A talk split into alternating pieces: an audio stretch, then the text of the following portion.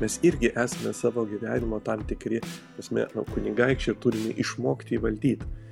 Mes turime dirbti su savimi, dirbti ypatingai su savo kalba, nes pos paskui gali būti per vėlu. Jau ir Sokratas, ir, ir graikų mąstytojai, jie kalbėjo apie tai, kad kai tu padarai neteisybę, na, apvogi, tu labiausiai pakenki savo. Kasdamas duobę, tu visada savo pakenksi, savo kaip žmogui, savo charakteriui, savo esmiai. Ir nuo to tu pabėgti negali. Kvailas žmogus laiko save išmintingo, išmintingas žmogus e, abejoja savimi.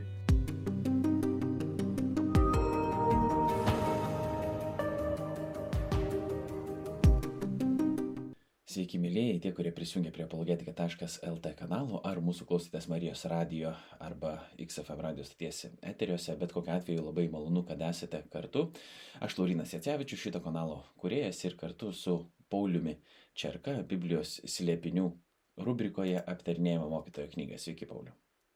Sveiki. Tiem, kurie nežinote, kaip mes visą tai darom, tai mes bandom skaityti po vieną skyrių, kartais užtrukdami ir porą laidų nagrinėdami vieną skyrių. Taip nutiko du kartus, jei gerai pamenu, bet dabar jau esame prie dešimtąjį mokytojo arba ekleziasto, dar kitaip žinomos kaip Koheleto knygos skyrių ir bandysim jį skaityti ir nagrinėti. Jeigu ką nors esat praleidę, užsukite apologetika.lt YouTube kanalą, jeigu čia jau esate, tiesiog paspauskit grojaraštį Biblijos slėpiniai ir pamatysit viską, ne tik išgirsit.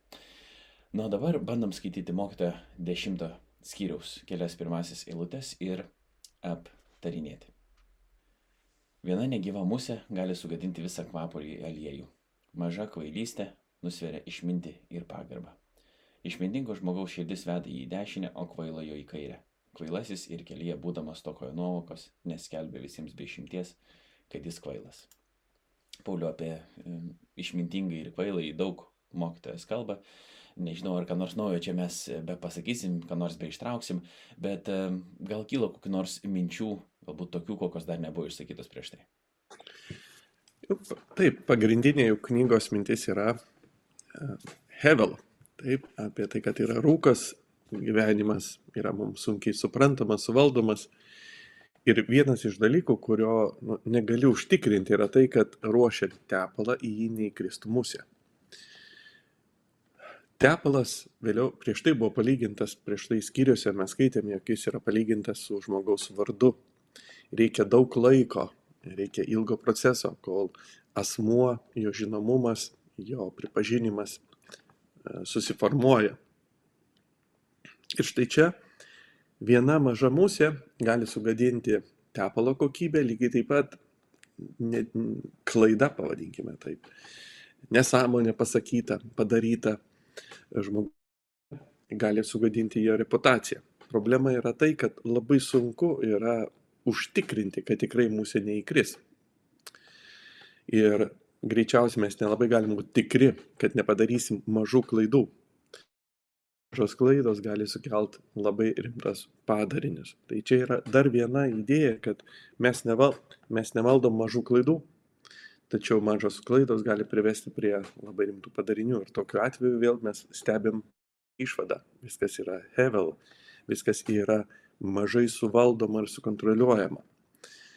Toks, toks turbūt na, tai sutampa su autoriaus bendra idėja. Ir čia tai galim pasvarstyti, kas nedaro klaidų, tas, kas nieko nedaro, ypatingai mažų klaidų arba kažkokio, bet Laurinai, mes su tavim kalbam. Dar kartą paklausę save pačius rastume ir nusikalbėjimų, ir netikslumų, ar ne? Tų mažų mūsų įskrenda visada. Ir jos kai kada kažkieno yra pastebimos, išpučiamos ir bum, tavo visas tepalas, tavo reputacija, tavo vardas, ar ne, e, gali būti užtaštas tą na, mažų lepsus. Aš net kitaip pasakyčiau, negaliu garantuoti, kad tarp savo nusišnekėjimų galima rasti ką nors e, gero pasakytą. Ir dabar, pavyzdžiui, ko negalėjau sukontroliuoti, tai šuo pradėjo loti dabar e, mano, bet e, jums galbūt nesigirdėjau, nežiūrėjau tuo metu į Paulių, bet e, teisingai, toks atrodo yra gyvenimas, kad visko sukontroliuoti negali, apie tai kalba ir mokytojas, ir mes turim panašią patarlę, tai, kas skaitom pirm, pirmoje eilutė dešimtos skyriaus ir lietuviškai, ne, kad vien šaukštas deguto sugadina medaus statinę. Aišku, šio laikinis žmogus gal net neįtin žino, kas tas degutas yra ir, ir kodėl jis yra labai blogai, bet mintis yra iš principo ta pati. Galbūt galim trumpai dar aptarti trečios eilutės pabaigoje, kas yra pasakyta, kad um, kvailasis kelyje būdamas tokoja nuovokos, nes skelbė visiems be išimties, kad jis yra kvailas.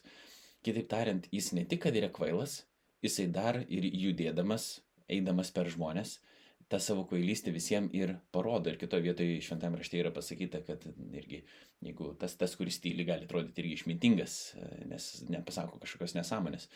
Tai kiek irgi dabar yra svarbu, iš principo gal netaip reikėtų klausti. Ar kvailas žmogus iš vis gali susivokti, kad jis yra kvailas ir neskelbtų savo kvailybės, ar jisai turi iš vis tokią galimybę? Tai atvirkščiai, reiškia, kvailas žmogus laiko save išmintingo, išmintingas žmogus e, abejoja savimi.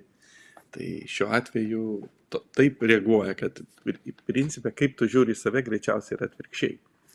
Čia galbūt įdomu yra padiskutuoti ir antroji lūtė apie dešinę ir kairę.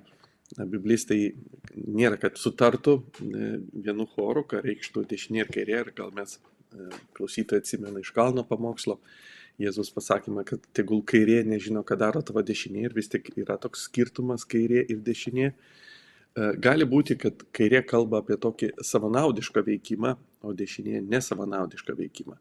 Ir šiuo atveju mes matom, kad išmintinga širdis ji nėra savanaudiška, jinai eina na, duoti, o kvailiojo masto tik taip egocentristiškai ir vėliau, na, užsis pažiūrėjus į save pradedi klysti ir ne? Tai galbūt galimas toks, toks sakykime, skirtumus. Kiti sako, kad tai yra pavojinga ir nepavojinga veikla. Na, įvairiai tą dešinį ir kairę skiriam, bet ir patarlių knygoje skirtumas yra daromas tarp to aukštos kokybės ir žemos kokybės pasirinkimų. Tai yra dešinė būtų kažko, kas yra brangu, vertinga, kairė kas pigu. Paskaitom dar keletą eilučių. Nuo ketvirtos. Jei kiltų ant tavęs valdovo piktis, nepasitrauk iš savo vietos, nes pykčiuje primus atleidžiamos didelės kaltės. Mačiau pasaulyje kitą blogį tarsi klaidą kylančią iš paties valdovo. Kvailybė iškelta į daugelį aukštų vietų, o turtingiai turi sėdėti ant žemų krėslų. Mačiau raitų, vergų ir peščiomis einančių didžiūnų, tarsi jie būtų vergai. Apie ką šitos eilutės? Apie tai, kad politinė ir socialinė tikrovė yra tarytum neteisinga. Tai yra žmonės, kurie yra aukštose pozicijose, yra neverti jų ir atvirkščiai. Žmonės, kurie yra žemose pozicijose, irgi neverti jų turėtų būti. Turėtų būti kažkaip kitaip, bet nuolat stebime, kad politiniai viršūniai yra ne tiems, kuriems dėrėtų ten būti, ir atvirkščiai. Tiems, kuriems dėrėtų būti, jie tarytum yra socialinė kopečio pačioj taip tiesiog yra. Ir jau ne vieną kartą mes matėm tą neteisybę tiktai tai šiuo atveju neteisybę santykiuose įvertinimuose. Kaip mes į tą turim reaguot? Tiesiog tai priimt. Susitaikyt su tuo. Kita reakcija būtų tokia labai maištinga, ar ne, mąstyti, kad tu gali viską pakeisti. Ir ypač šiandien populiarėjant, taip vadinamai, kritiniai teorijai, kuomet bet kokia gale yra įvertinama neigiamai, kaip, kaip tironiška gale, ar ne, bet kokia valdžia iš esmės jau yra negera. Ir būtinai yra kažkokios grupės, kurios išnaudoja kitas. Tai yra tik toks požiūris, kad vieni būtinai išnaudoja kitus. Ir kuo daugiau tu priklausai e, tų klasių, tuo didesnis išnaudotojas tu esi. Pavyzdžiui, tu Laurinai pagal tą teoriją būtum pakankamai rimtas išnaudotojas nes tu baltasis, tu vyras, heteroseksualus, esi krikščionis, na, nežinau, dar galima būtų vardinti, reiškia, taip, ne, ne migrantas, taip, pilietis Lietuvos ir negyveni išlaikomas iš valstybės. Tai vis, tu esi labai, kaip čia pasakyti, didelis išnaudotojas, taip. Ir, ir tokiu atveju reikia tave užčiaupti. Ir, ir iš esmės va, tie kovojama yra prieš kultūrą, kurioje, na, ne va tai ir slypi būdas tokiems kaip tau, Lorinai, užlipti ir, ir, ir nurodinėti kitiems. Viena vertus tai tiesa, kad mes turim daug išnaudojimo gyvenime ir su tuo reikia kovoti, tai tas yra tikrai tiesa, mes neturime neutraliai žiūrėti, bet labai redukcinis mąstymas, kad žmonių santykius galima labai lengvai suredukuoti iki kažkokį tai tu vyras moteris, tu turtingas neturtingas, tu migrantas ir pilietis ir be ne tu pasakai viską pasakydamas, tai yra naivu. Žmonių santykiai yra daug sudėtingesni ir nebūtinai tokie priešiški. Nebūtinai mes esame visada kovojantis su kita socialinė grupe. Tai šiuo atveju, sakykime, vyroja pakankamai kategoriškas požiūris ir linkėjimas tarytum visuomenę revoliucijos keliu per naują sukurti. Ir tie, kurie iš mūsų jau patyrėm na, komunistinę santvarką, e, tai jį jau dvelkia tuo, kad galima, tarytum buvo galima dainuojama ir vyliamasi pastatyti naują valstybę, kurioje nebus išnaudojimo, bet dar atsimenu vaikystį buvo toks anegdotas, kad e, kapitalizme žmogus išnaudoja žmogų, komunizme viskas atvirkščiai. Ir toks naivumas, kad mes galime panaikinti bet kokias klases, nu, komunizmas kovoja prieš ekonominės klases, dabar kritinė teorija mato galbūt e, jau visai kitas e, klasės suskirsto, bet idėja ta pati - panaikinti bet kokias įtampas, bet kokias įtampas. E, yra naivi, nes tokiu atveju yra sugriaunama pati visuomenė ir tas revoliucijos kelias jis yra be galo vėliau žalingas. E, priešingai, visuomenė turi bręsti, taip, matyti savo trūkumus, keistis, bet keistis palaipsniui, o ne drastiškai viską naikinant. Ir šiuo atveju viena vertus atmokytas jis mato daug neteisybės e, politinėse santykiuose, bet jis nesiūlo panaikinti valstybę, jis nesiūlo visus nuversti, jis kažkaip siūlo tai priimti kad tiesiog taip yra ir kiek kartų mes e, be naiviai galvotume, kad mes galėtume sukurti kitaip, greičiausiai mes vėl pakartotume tą patį. Čia turbūt Prancūzijos revoliucijos toks uh, paradoksas, ar ne, kaip Robespieras nusprendžia giljotinuoti karalių, bet labai greitai ir pats yra giljotinuojamas tuo pačiu, uh, tą pačią giljotiną. Tai, tai kad nedarytume tų klaidų, tiesiog kai kada tenka priimti kai kurios dalykus. Galima čia trumpai pakalbėti apie žmogaus prigimtį, kas čia su mumis taip yra, kad mes visą laiką galvojam, kad e, kiti nieko nesupranta, mes jau suprantam tikrai ir mes padarysim geriau ir kaip niekam nešovė į galvą tai padaryti. Ir jeigu tu pradedi taip mąstyti, pamatai iš tikrųjų, kad istorijoje daug dalykų tokius, kokiu tu galvoji, jau yra galvota ir bandyta ir daryta ir kad nes jau toks ir ypatingas. Bet kažkaip mes taip esam linkę, net ir krikščionys yra taip linkę daryti ypatingai. Aš pats save irgi atsimenu nesenai po atsivertimo irgi pradėjau galvoti, o čia tokie tie, tie jau ilgai tikėjami esantys žmonės, tokie šalti, kažko jie taip, tos ugnies trūksta, į to nedaro, į to nedaro, gal čia reikėtų, vat, nu ir taip, ir taip, ir kitaip, ir galvoju, ačiū Dievui, kad Dievas davė tos išminties neskubėti tiek daug, nes aš dabar eidamas vat, eigoje savo to krikščioniškos kelionės viliuosi brandu, kažkaip brestant, žiūri atgal ir matai, kad, nu, koks buvai naivus. Aš buvau naivus iš tikrųjų. Čia ne tai, kad žmonės buvo, aišku, būna ir atšalimo, ir viso kito, būna ir nepratingų sprendimų, ir reikia to karščio kartais. Bet iš to karščio protas aptemsta, patirties nėra. Irgi ir matai, kad galėjau padaryti daug visokių nesąmoningų sprendimų, bandydamas karštai veikti, galvodamas, kad vad kiti, tai jau čia nieko nesupranta, o dabar aš jau, aš, aš jau žinau ir man reikia čia padaryti va tikrą, tikrą dalyką. Tai kas čia su mumis yra? Kodėl mes tokie esam apie save gerai galvojantis ir apie visus kitus taip, taip prastai ir pasitikintis taip savo jėgom, kad mes viską galim padaryti geriau negu kiti? Apie tai visą knygą, Laurinai, mes jau skaitom, ar ne? Kad mes linkę matyti save teisėjais ir protingais labai. Kažkaip reikia mokintis dvėjoti savim. Ir nėra taip paprasta. Visi pereina per tą vaikišką, tarytum, perdėtą pasitikėjimą, labai didelių lūkesčių iš savęs ir vėliau būna ir nusivylimas, irgi gali būti perdėtas, visiškai nieko negaliu. Bet va, tuo einant keliu atsiranda sveika, sveika bejonė savimi, savo sprendimais, leisti kitiems kritikuoti save. Labai svarbu. Ir šiaip yra. Bus dar skaitysim apie, vat, apie tavo iškeltą klausimą, apie tai, kad reikia galasti įrankį norint pasiekti gerų rezultatų. Reiškia, kai kada nereikia skubėti su veiksmais, o reikia labai pagalvoti ir pasiruošti su įrankiais. Taip, tai tokia idėja šitam skyriui ji bus atliepianti tavo iškeltą klausimą. Ir šiaip galbūt jau esame apie tai kalbėję kažkiek, bet e, panašu, kad esame linkę mes į vieną ar kitą kraštutinumą e, kristi, nes taip yra paprasčiau. Tiesiog, kai yra visiškai juoda balta, yra taip arba ne.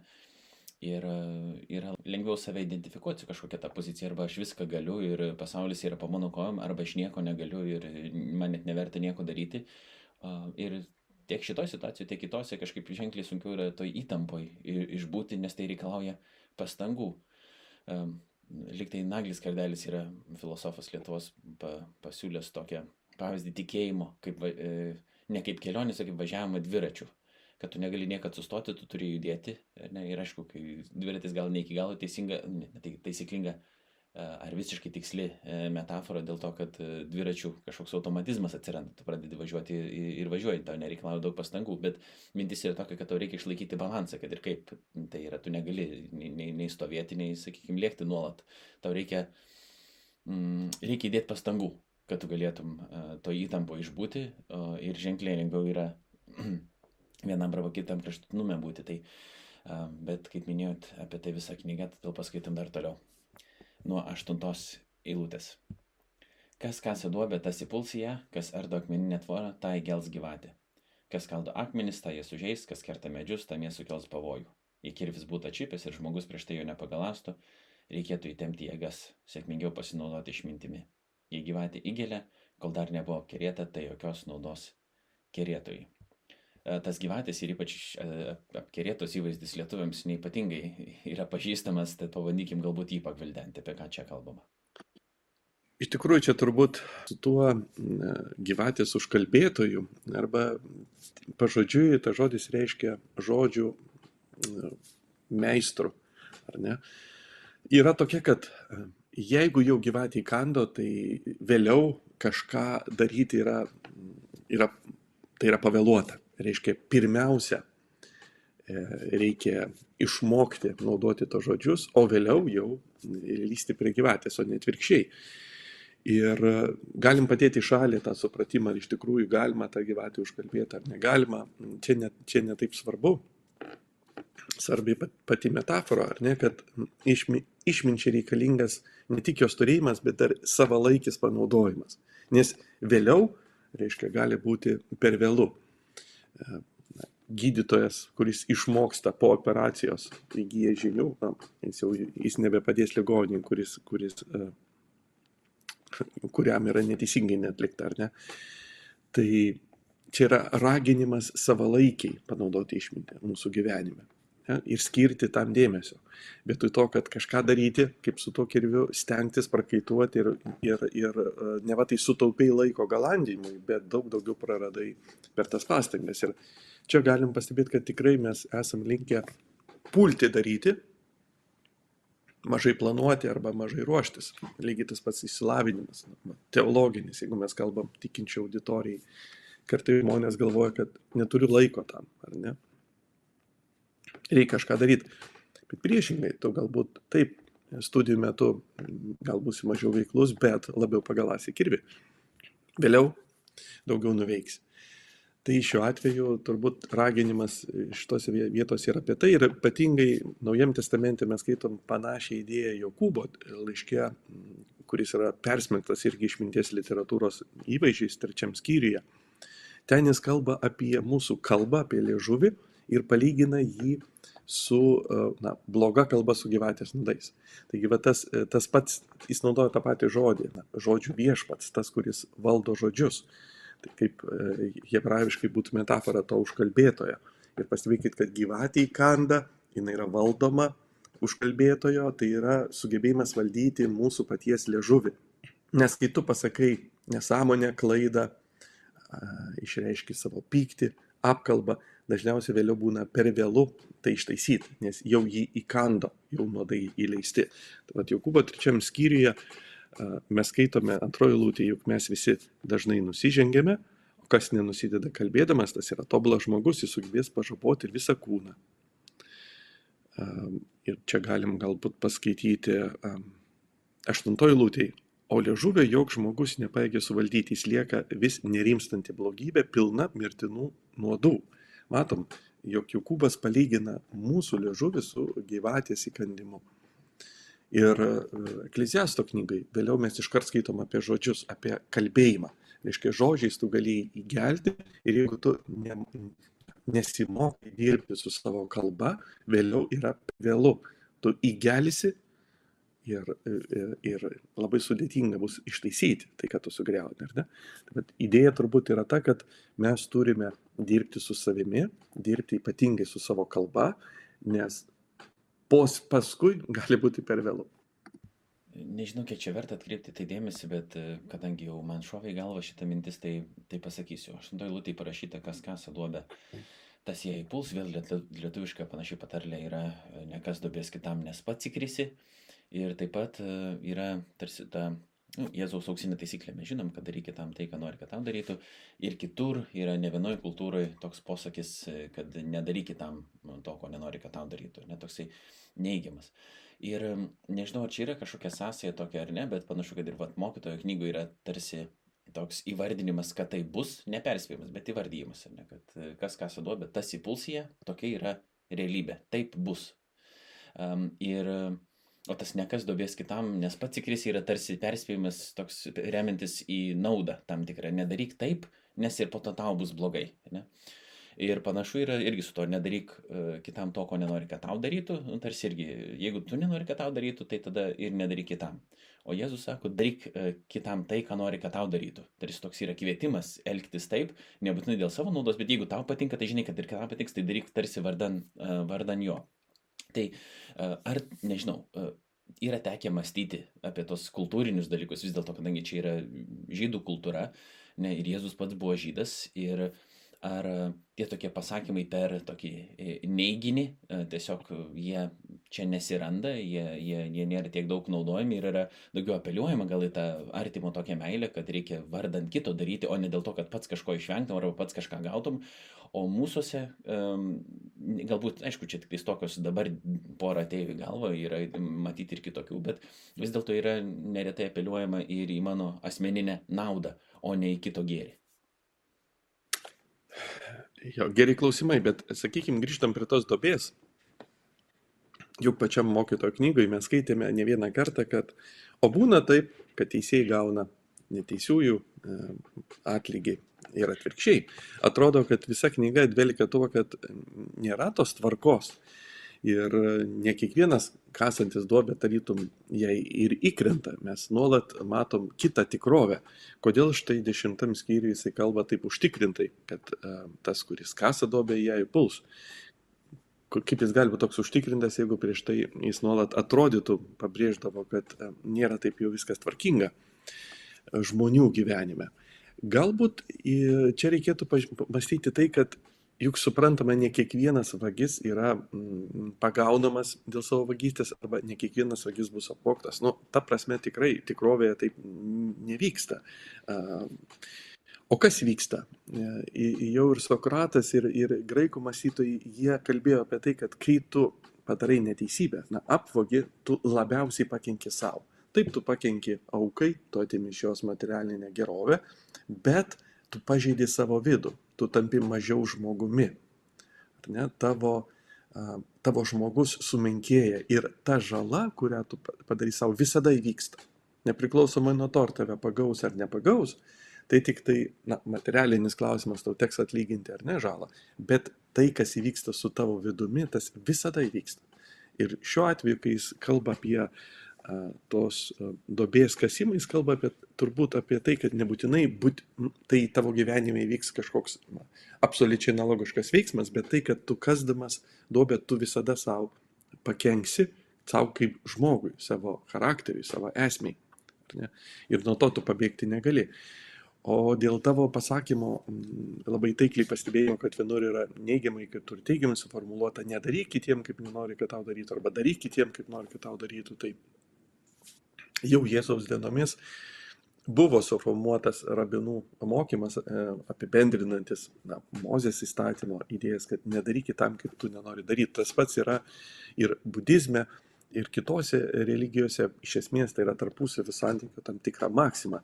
Jėzus ateina su nauja idėja, kad daryk, tai yra tarytum aukštesnis reikalavimas, aukštesnis kvietimas, kvietimas į veiksmą. Ne tik į susilaikymą nuo tam tikrų veiksmų, bet į, akt, ak, į, į aktyvų veikimą. Tokios, tokia mintis buvo novatoriška. Jei neigiama forma jinai yra iš tikrųjų daugelio kultūrų ir religijų tarpusavio santykių bazė, tai norma kaip tokia, tai aktyvus veikimas buvo pakankamai inovatoriška idėja, kurią mes skaitome Evangelijose. Tai toks trumpas komentaras.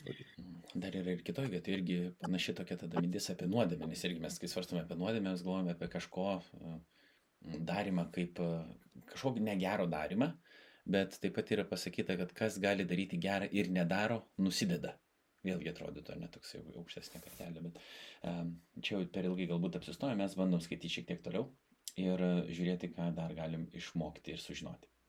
Nuo 12 eilutės. Išmintingo žmogaus žodžiai jam laimi palankumą, o ką kvailasis sako, tai jį pražudo.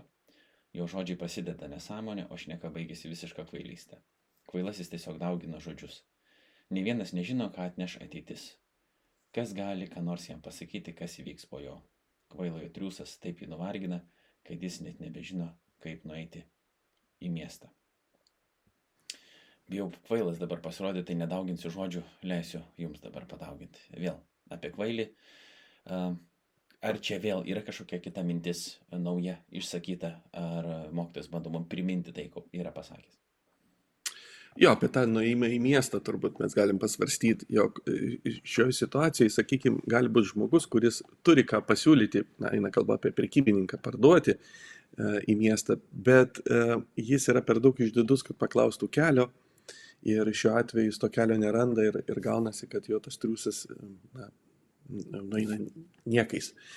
Kažkuria prasme tai yra mūsų ne iki galo išbaigtas veikimas, arba mes neperlipam per save pačius, mes nenusižeminam, nepripažįstam savo nežinojimo, nepaklausėm kelio ir atrodytų nedaug trūksta, ar ne? Bet vat, tu nenueini, nenueini iki galo, nenuneši to savo kūrinio, nepadarai to. Tai šiuo atveju tai yra parodyta, kad nepaisant to, kad tu gali kažką padaryti, bet vat, tavo išdidumas neleidžia būti priklausomam nuo kitų ir elementarių dalykų gali nerasti. Į miestą kelią tarytum visi turėtų sugebėti suras, bet to veiklumo trūksta ir išdidumos kiša koja. Tai galbūt toks vat, vaizdinys to nenueinančio iki miesto, nors turinčio gerų idėjų, bet taip ir neįgyvendinančio jų. Turbūt gal toks mažas komentaras Lavinė iš esmės dabar aš kaip mąstau apie šiaip mokytojo knygą ir apie šitas konkrečiai eilutes, ką bandau taip įsisamoninti, matyt, kadangi tiek daug yra kalbama apie tą kvailai ir apie išmintingai, panašu, kad teks labai stipriai su savimi dirbti, kad atpažinti, kur aš čia dabar esu jau pasidavęs kvailystiai. Ir tada save vertinti, mm, nu, kaip abejoti savimi kaip mane sakė, Pauliu, ne iki kažkokio kraštutinumo, kad dabar esu suparalyžiuotas ir viską bijau daryti, ar bet ką bijau daryti, bet e, pažiūrėti, ar iš tiesų kažkur galvodamas, kad aš esu išmintingas, galbūt aš e, elgiuosi kaip tas kvailys ir to nepastebiu. Ir e, mokytojo knyga iš tikrųjų meta tokį iššūkį e, kiekvienam iš mūsų, matyt, mąstyti, e, mąstyti apie tai ir tai yra pakankamai skaudu, nes niekas nenori būti nei kvailas, nei niekas nenori būti neteisus, ypatingai e, kai iškyla koks nors konfliktas tarp žmonių šeimoje ar tarp šeimų, tarp draugų ar valstybei. Visi nori būti teisūs, o po to, kai pamato, kad yra neteisus, bijo prisipažinti ir dar labiau savo kulnus, kaip sakyti, kas tai žemė įsispiria dėl to, kad jeigu pripažinsi, tai reiškia suklydai, tave gali kitas, kaip sakyti, su triuškinti, dar labiau, kaip sakyti, sumurdyti ir galbūt tavo reputaciją taip sugadinti. Ir nors jau čia įsikalbėjau, bet e, tokia mintis man ateina į galvą, kad e, vienintelis galbūt sprendimas šitam ir yra krikščioniškai pasaulyje žiūri tokį, kur yra ir atleidimas tada, kai suklysti, tau iš tikrųjų tau, tau atleidžia ir Dievas, ir tau turi atleisti tavo broli sesė, ne? Ir kita ta pusė, kad supratingumas, kad žmogus klysta ir jam gali būti atleista ir tai nėra pasaulio pabaiga, bet e, yra antras šansas. Ir aš galvoju, ar jeigu tokios pasaulio žiūros neturi, tokio požiūrio neturi, tai tada e, tos savo kvailystės galbūt niekada ir nenorėsi pamatyti, nes kitaip nėra, nėra išeities, yra tik tai žlugimas, pamačius ir pripažinus ją viešai. Jo, čia iš tikrųjų reikia, reikia turbūt drąsos pripažinti, kad mes klystam, bet skaitant, skaitant tas knygas, tu matai, kad um, daug protingesni už tave nebijo to pripažinti, galva, tai įkvėpia mus nebijoti irgi.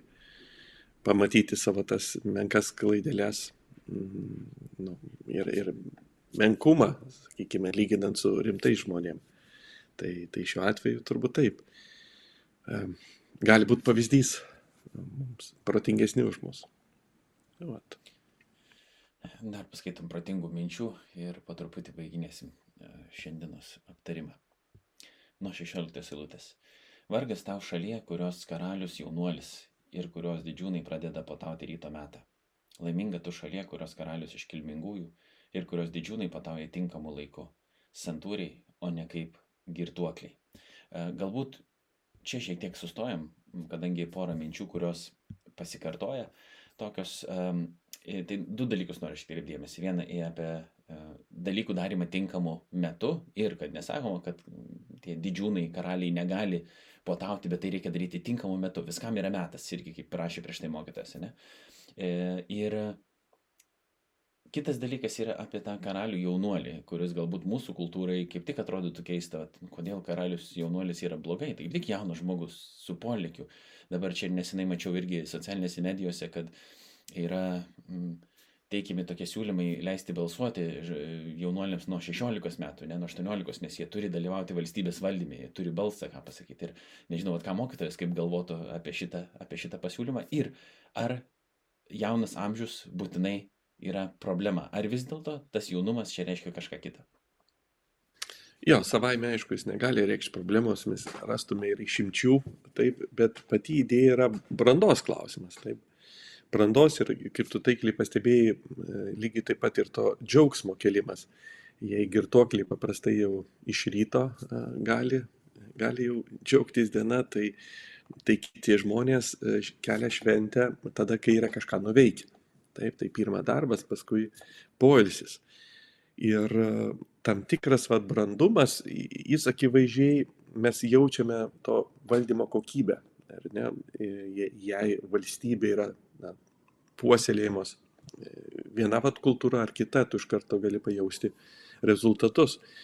Ir dažnai išminties literatūra, kai kalbama apie tuos vadovus, kunigaikščius ir valdymo meną, tai ne tik norima patarti, kaip reiktų elgtis na, politiškai valstybė, bet kalbama kiekvienam žmogui, jog mes taip pat valdome save pačius mes irgi esame savo gyvenimo tam tikri, prasme, nu, kunigaikščiai ir turime išmokti įvaldyti. Ir jeigu savo gyvenime mes na, tik potaujame, pasakoja, ar yra žiogelis ir skrusdėlė, ar ne, jeigu mes anksčiau laiko švenčiame, gali būti, kad mes turėsim tos prastus rezultatus. Ir vėliau mes kalbėsim, matysim, kad patalės e, kalba apie jau tingėjimo padarytą žalą, neveiklumo žalą, o čia nebrandumo žalą. Taip, tai pasirodo labai gražiai valstybiniam gyvenime, politiniam gyvenime, bet prisitaiko ir mums, jog mes esam savo gyvenimo tam, tik, tam tikrą prasme uh, pašaukti jį tvarkyti ir valdyti. Atsimenam pradžios pirmosios skyriuose Dievas sukuria žmogų ir paveda jam valdyti žemę. Bet ta tema žmogus turi valdyti ir pirmiausia save patį jinai yra nuo pirmųjų švento rašto puslapių ir dažnai prie to grįžtama su tam tikrais patarimais, o kaipgi dėrėtų mums valdyti. Tai šiuo atveju mes gauname, gaunam patarimus, iš tikrųjų kaip rimtai žiūrėti ne, ne tik į valstybės politinį gyvenimą, bet pirmiausiai savo moralinį vidinį gyvenimą. Baigiam skaityti skyrių. Nuo 18 silutės. Dėl tingumo įlinksta sijos, dėl tingių rankų prilašai trobą. Puota keliama pramogai, vynas daro gyvenimą linksmesnį ir pinigai viskam naudingi. Net tarp savo artimųjų neniekink karaliaus, net savo mėgamajame nekeik turtuolio, nes padangių paukščiai gali nunešti tavo balsą, sparnuotis gali pasakyti, ką tu sakėjai. Atrodytų trys skirtingos mintis, pabandykim jas e, trumpai aptarti, pradėdami e, chronologiškai iš eilės. Dėl tingumo įlinksta sijos, dėl tingių rankų prilašai trobą. Ar čia ir yra tokia paprasta tiesiog mintis, kad jeigu nori, kad um, išvengtum kokios nors žalos ir savo žalos, tau tiesiog nereikia apsileisti, tau reikia dirbti, prižiūrėti, būdėti ir žinoti, kaip sutvarkyti tos dalykus dar, dar prieš jiems atsitinkant. Nu, iš principo, versle kartais sakome, jeigu tu stovi, tu jau atsilieki, ar ne? Nes vi, viskas juda. Tai panašiai yra ir čia, kad neužtenka nieko nedaryti, neužtenka aktyviai, e, ne, neužtenka tik tai negadint. Vien nedarimas uh, sukels, sukels tą apsileidimą, kuris sukels žalą. Tai taip pat ir moraliniam gyvenime. Jeigu mes nieko nedarome, mes jau linkstame, ar ne? Mes turime judėti į priekį. Tas nieko nedarimas arba tingėjimas, jis daro žalą. Va. Antroji lūtė e, tema yra apie tą puotą ir vyną ir pinigus, na, iš tikrųjų daug egzegetai turi pateikę įvairių aiškinimų, kaip ją skaityti. Gal pateiksiu vieną iš tų, kad jeigu mes kalbėtume apie linksmumą, tai mes tai galim nupirkti už pinigus. Bet jeigu mes kalbam apie pasitenkinimą, ir šitoj knygoje atsimenat, jis kalba, kad die, tai yra Dievo dovana valgyti ir gerti ir būti patenkintų, tai šito nenusipirksi už pinigus. Puotą gali nusipirkti o pasitenkinimą mažu ne. Tai yra dievo dovana kurios mes galim trokšt nu sąmoningai jos norėt suvokti kad jinai yra vertinga bet tai nėra tiesiog linksmumas. Links linksmybę gali nusipirkt. Bet tereikia tik pinigų ar ne? O pasitenkinimas yra šiek tiek gilesnis dalykas. Tai skirtumas tarp tų dviejų. Va o paskutinėj eilutėj labai įdomi mintis yra apie tuos šnipus paukščius yra rabinistiniai aiškinimai, kad čia kalba apie angelus, kiti sako, kad tai žmogaus siela, kuri teismo dieną viską papasakos, kaip tas paukštis e, Dievo ir kitiems, ar ne, ką tu mąstai ir ką tu galvoji ir tokiu atveju. E, taip buvo žiūrima šitą eilutę. Na, idėja yra tokia, kad na, sienos turi ausis, tu nežinai na, politiniam gyvenime, kas gali nugirsti tavo mintis ir kaip tu gali nuo to nukentėti. Na, tokia yra idėja, bet iš principo tas perkeliama yra ir tarp mūsų ir Dievo kaip karaliaus, ar ne, kad iš principo mūsų mintis Dievui yra žinomos. Vienaip ar kitaip, ar tai mūsų siela, ar angelai, ar, ar koks tas mechanizmas bebūtų, netaip svarbu, svarbi pati idėja yra. Ačiū Pauliu, ačiū visiems, kurie buvote, e, esate, vėliaus ir būsite kartu su mumis, jei ką nors esate praleidę, kaip minėjau, apologetika.lt YouTube kanale, grojaraštis Biblijos slėpiniai, ten rasit visas iki šiol buvusias laidas, na, mums liko vos porą skyrių ir užbaigsime mokytojo knygos aptarimą. Dar kartą dėkoju visiems, iki kitų susitikimų ir sudė. Sudė.